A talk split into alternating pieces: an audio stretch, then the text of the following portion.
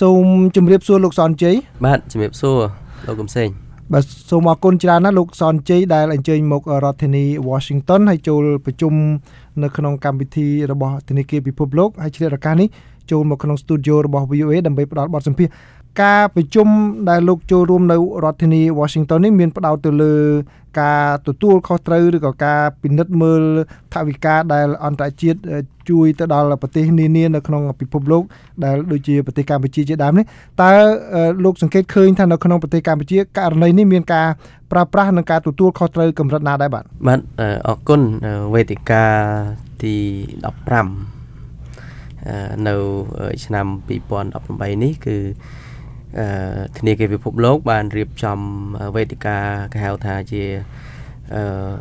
វេទិកាដៃគូកម្រិតពិភពលោក ដែលមាន ការចូលរួមអ្នកចូលរួមមកពីជិត300ប្រទេសហើយក្នុងនោះដែរប្រធានបទគឺនិយាយអំពីបញ្ហាលុយកាក់ដែលតាក់ទងជាមួយនឹងការគ្រប់គ្រងឬក៏គេហៅថាហិរញ្ញវត្ថុសាធារណៈហើយនិងកណន័យភាពសង្គមដើម្បី ធ្វើឲ្យប្រសើរឡើងនៅធនធានមនុស្សឬក៏តម្រូវការរបស់មនុស្សភាសាអង់គ្លេសហៅថា money matter uh, public finance and social accountability for human capital ចុះដល់ឡែកក្នុងករណីប្រទេសកម្ពុជាតើលោកសង្កេតឃើញថាការគ្រប់គ្រងហេរញ្ញវត្ថុសាធារណៈនិងការទទួលខុសត្រូវរបស់សង្គមនៅក្នុងការវិនិយោគទៅលើធនធានមនុស្សនឹងមានកម្រិត ដែលអាចទទួលយកបានឬក៏ត្រឹមទៅតាមស្តង់ដារដែល ខាងអង្គប្រជុំគេចង់បាននេះទេបាទគេពិនិត្យមើលទៅលើការអនុវត្តនៃប្រទេសនីមួយៗហើយក្នុងនោះដែរអង្គការដៃគូដែលបានអនុវត្តជាពិសេសតកតននឹងគម្រោងកណន័យភាពសង្គមហ្នឹងជាអ្នកតាមដានទៅលើថវិកាជាតិជាអ្នកតាមដានទៅលើការរៀបចំ ផែនការថវិកាតាំងពីថ្នាក់ក្រោមរហូតមកដល់ថ្នាក់លើហើយពេលដែលបានថវិកានឹងយកទៅប្រើប្រាស់ហ្នឹងគឺគេមានការពិនិត្យមើលវិលជុំដោយសង្គមស៊ីវិលដែលមានការបណ្ដោះបណ្ដាលទៅក្រមប្រជាពលរដ្ឋអញ្ចឹងនៅក្នុងទស្សនវិជ្ជានេះគេអាចមើលទៅលើថាតើជំហាននៃការកសាងផែនការថវិកាហើយនឹងការយកថវិកាយកទៅប្រើប្រាស់វិញដែលគេផ្ដោតទៅលើវិស័យសំខាន់សំខាន់មានសុខភាពអប់រំ សេវាសាធារណៈហើយនិងសេវាគាំពារសង្គមអញ្ចឹងទៅនៅពេលដែលការមើលថាតើថវិកាដែលរដ្ឋាភិបាលមានទី1បានមកពីប្រភពពន្ធទី2បានមកពីប្រភពខ្ចីពីម្ចាស់ជំនួយផ្សេងផ្សេងហើយសួរថាតើលុយនឹងគេយកទៅណាយកទៅដើម្បីប្រជាពលរដ្ឋអញ្ចឹងអ្វីដែលគេជជែកគ្នានេះគឺជជែកថាតើ លុយដែលយកទៅប្រើប្រាស់ហ្នឹងពិតជាចំនឹងតម្រូវការរបស់ប្រជាពលរដ្ឋដែរឬទេ បើវាមិនចំមូលហេតុអីវាទៅបាត់ជាមួយនឹងអង្គើពុករលួយឬវាវាទៅខុសគោលដៅដោយសារតែការលើកផែនការមួយដែលខ្វះការពិគ្រោះយោបល់បាទនៅកម្ពុជាប្រាយចំទេព្រោះខ្ញុំសង្កេតឃើញថាការ ចំណាយទៅលើ ផ្នែកអប់រំប្រព័ន្ធសុខាភិបាលហ្នឹងហើយនឹងសេវាសាធារណៈដូចជាមិនច្រើនដូចជាខាងផ្នែកយោធាខាងកងកម្លាំងប្រដាប់អាវុធឬក៏សន្តិសុខទេបាទនេះហើយគឺជាបញ្ហាមួយដែលយើងបារម្ភអំពី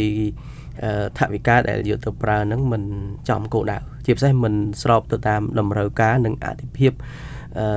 នៃតម្រូវការរបស់ប្រជាពលរដ្ឋយើងឃើញប្រហែលឆ្នាំចុងក្រោយនេះករណី នៅប្រទេសកម្ពុជាយើងគឺសេចក្តីព្រៀងច្បាប់ថវិកាមិនត្រូវបានចែកចាយឲ្យមានការពិគ្រោះយោបល់បានទូលំទូលាយទេ ជាហេតុដែលយើងមានការបារម្ភថាអឺអតិភិបថ្មីថ្មីមួយចំនួនវាអាចខុសទៅនឹងតម្រូវការជាក់ស្ដែងអញ្ចឹងហើយបានជាអឺមានការលើកឡើង នៅពេលដែលមានការកើនឡើងថវិកាយើងឃើញថាមានវិស័យខ្លះបានធ្វើកំណែតម្រង់ហើយនឹងកំពុងតែបន្តដូចជាវិស័យអប់រំហើយថ្មីថ្មីនេះយើងឃើញថាមានវិស័យសុខាភិបាល ណាហើយក្នុងនោះដែរប្រជាពលរដ្ឋចង់បានការធ្វើឲ្យប្រសើរឡើងផ្នែកកសិកម្មក៏ប៉ុន្តែវិស័យកសិកម្មបែរជាស្ថិតនៅក្នុងលំដាប់មួយដែលយើងមានការបារម្ភថាមិនទាន់បានធ្វើកំណែតម្រង់ពេញលេញខណៈពេលដែលវិស័យយោធានៅក្នុងអតិភិបមួយបាទលោកលើកឡើងពីការដែលមិនចែកចាយនៅច្បាប់ថវិកាឲ្យបានដឹងជាទូលំទូលាយបាទតាំងពីលើកមុនហើយឥឡូវនេះគឺនៅក្នុងប្រទេសកម្ពុជារដ្ឋាភិបាល គឺមានគណៈបកតែមួយទៀតហើយក្នុងការអនុវត្តកន្លងមកហ្នឹងសូម្បីតែមានគណៈបកច្រើនក៏ប៉ុន្តែច្បាប់មួយចំនួនដាក់ចូលទៅសភាហ្នឹងมันមានការកែប្រែសូម្បីតែមួយអាតួអសសោះពីខាងរដ្ឋាភិបាលដាក់ទៅខាងសភាដែលពិនិត្យហ្នឹងឥឡូវនេះរដ្ឋាភិបាលឯកបៈទៀតតើលោកមានការព្រួយបារម្ភទេថាកម្រិតនៃការបែងចែកឬក៏តម្លាភាពអីហ្នឹងកាន់តែមានភាពងងឹតជាងមុនបាទបាទអឺនៅពេលដែលសេចក្តីព្រៀងច្បាប់ ថវិកាចាប់ផ្ដើមដោយការរដ្ឋបတ်អញ្ចឹងទៅធ្វើឲ្យយើងយល់ថាយើងបារម្ភអំពីប្រសិទ្ធភាពនៃការប្រើប្រាស់ថវិកានឹងដែរដោយសារអីដោយសារទី1គឺវាអាចមិនមិនស៊ីគ្នាជាមួយនឹងតម្រូវការជាក់ស្ដែងហើយទី2នៅពេលដែលការបើកចំហព័ត៌មានថវិកានៅមានកម្រិតនៅឡើយអញ្ចឹងទៅតាំងពីការលើកផែនការថវិការហូតដល់ការយកថវិកានឹងយកទៅចាយវាយ វាអាចស្ថិតនៅក្នុងភាពមន្ទិលហើយក្នុងនោះដែរ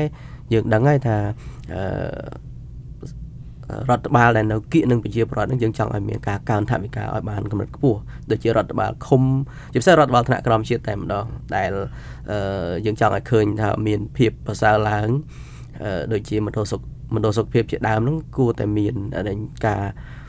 អឺគេថាមានមធ្យោបាយគ្រប់គ្រាន់សម្រាប់ការផ្ដល់សេវា ពីព្រោះថាវាជាកន្លែងផ្ដល់សេវាមួយនៅគៀកនឹងប្រជាពលរដ្ឋបាទចោះចោះដែលឡៃលើផ្នែកនៃការប្រមូលចំណូលថវិការដ្ឋដូចលោកបានលើកឡើងពីខាងដើមគឺនៅក្នុងនោះមានការរកថវិការដ្ឋដោយខ្លួនឯងនិងថវិកាជំនួយបរទេសហ្នឹងបាទជំនួយបរទេសហ្នឹងបើទោះបីជាយ៉ាងម៉េចក៏វាមានយន្តការខាងបរទេសគេតាមដានដែរណាក៏ប៉ុន្តែដោយឡែកថវិកាដែលកម្ពុជារកបានដោយខ្លួនឯងតាមរយៈការប្រមូលពន្ធហ្នឹងតើលោកសង្កេតឃើញយ៉ាងម៉េចដែរបាទអឺ ការប្រមូលពន្ធសប្តាហ៍ថ្ងៃនេះយើងយើងមើលឃើញមានយន្តការមួយចំនួនបានធ្វើការកែលម្អក៏ប៉ុន្តែវានៅតែមាន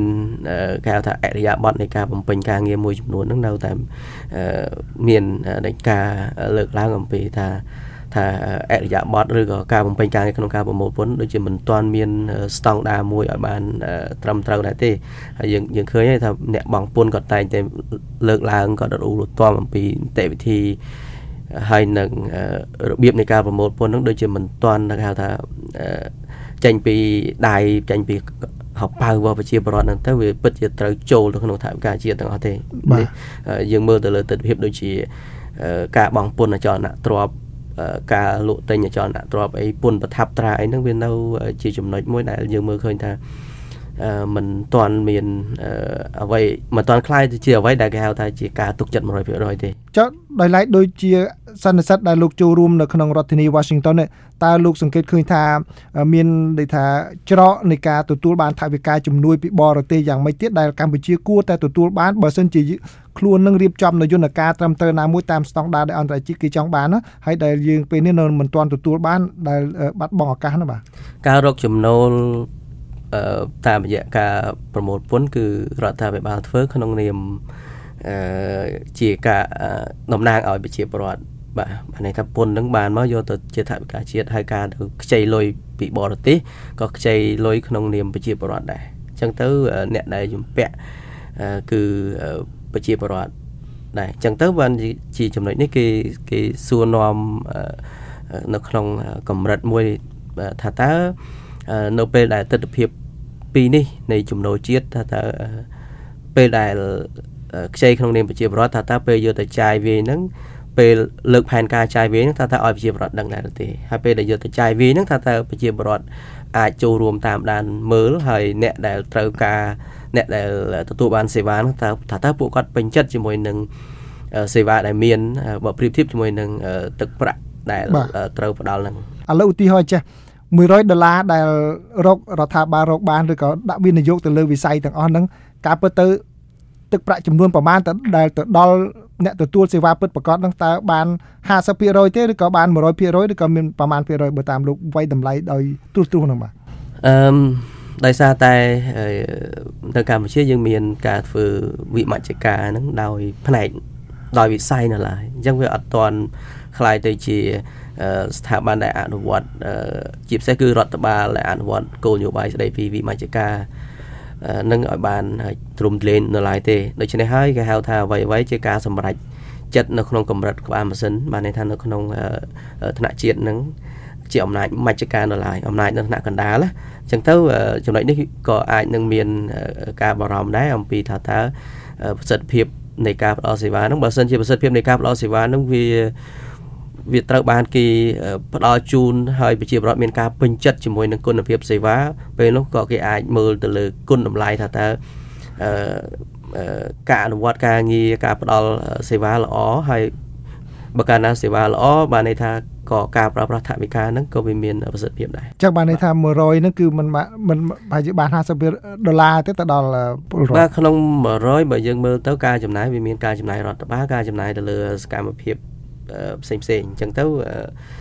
ចំណុចនេះក៏រហូតដល់ពេលនេះយើងមិនទាន់មានការបូកគុណ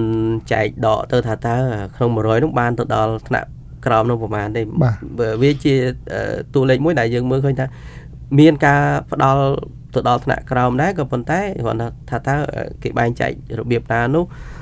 ពីព្រោះថាយើងអត់ទាន់មានដោយសរុបទៅគឺនៅមិនទាន់មានតម្លាភាពដែលអាចនឹងតាមដានមើលឲ្យច្បាស់លាស់ទេព័ត៌មាននៃថវិកានឹងវា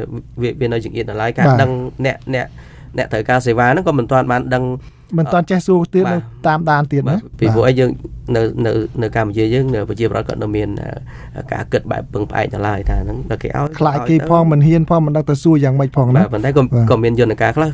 ក៏មានការបើកឲ្យសួរដែរបាទសំណួរចុងក្រោយបើផ្អែកទៅលើស្ថានភាពនៅក្នុងប្រទេសកម្ពុជាគឺប្រទេសចិនបានមកធ្វើវិនិយោគឲ្យជាច្រើននៅក្នុងប្រទេសកម្ពុជាជាពិសេសនៅក្រុងប្រសៀននោះអីហ្នឹងហើយបើហើយនៅតំបន់មាត់សមុទ្រមួយចំនួនហ្នឹងតើលោកមើលឃើញថារដ្ឋាភិបាលត្រៀមខ្លួននៅក្នុងការប្រមូលពន្ធឬក៏បានប្រមូលពន្ធពីជំនួយរបស់ក្រុមហ៊ុនចិនហ្នឹងមានតម្លាភាពឬក៏ត្រឹមត្រូវទេបាទខ្ញុំចាប់ផ្ដើមពីចំណុចមួយនៅពេលដែលមានការជជែកពីរឿងវត្តមានជនជាតិចិននេះអឺនៅពេលដែលយើងឮពីមន្ត្រីខ្លះគាត់ថាសំណង់អាគារមួយចំនួនហ្នឹងគឺសាងសង់ដោយខុសច្បាប់អឺ ដោយមិនទាន់មានច្បាប់គ្រប់គ្រាន់ជាពិសេសនៅខេត្តបរសេនុអញ្ចឹងបានន័យថាបើសិនជាសំណង់នឹងកសាងឡើងដោយមិនទាន់មានភាពស្របច្បាប់សួរតើយន្តការនៃការគិតគូររឿងប្រមូលពន្ធអឺពីដែលកម្រងអស់ហ្នឹងថាតើវាបានគិតគូរហើយនៅអញ្ចឹងនៅពេលពេលនេះហើយដែលយើងមានការបារម្ភថាគ្រាន់តែថាភាពស្របច្បាប់ឬក៏នីតិវិធីផ្សេងផ្សេងនេះមិនទាន់មានគ្រប់គ្រាន់អញ្ចឹងសួរថាចុះតម្រាំឈានដល់ការប្រមូលពន្ធទៀតវា តើវាអាចទៅរួចថានឹងនឹងនឹងមានភាពគ្រប់គ្រាន់ច្បាស់លាស់ហើយគ្រប់គ្រាន់ឬក៏មានប្រសិទ្ធភាពដែរទេខ្ញុំបាទតែសូម្បីតែច្បាប់អនុញ្ញាតដែលត្រូវបង់ពន្ធដើម្បីទទួលបានច្បាប់អនុញ្ញាតហ្នឹងក៏គាត់មិនបានទទួលទៅហើយព្រោះគាត់អត់ដឹងខ្លួនឯងសាងសង់មិនមិនមិនទាន់ដឹងថាមានគ្រប់គ្រាន់ហើយនៅជឿទំមតែការរៀបចំយន្តការដើម្បីប្រមូលពន្ធនៅពេលដែលវាคล้ายទៅជាអាគារពាណិជ្ជកម្មអីផ្សេងផ្សេងហើយនឹង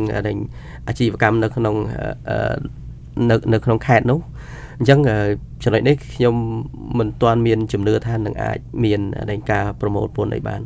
គ្រប់ជ្រុងជ្រោយទេបាទយើងនឹងតាមដានមើលទាំងអស់គ្នាសូមអរគុណលោកសនជ័យជាប្រធានប្រចាំប្រទេសនៃអង្គការអានសាបាទបាទអរគុណបាទ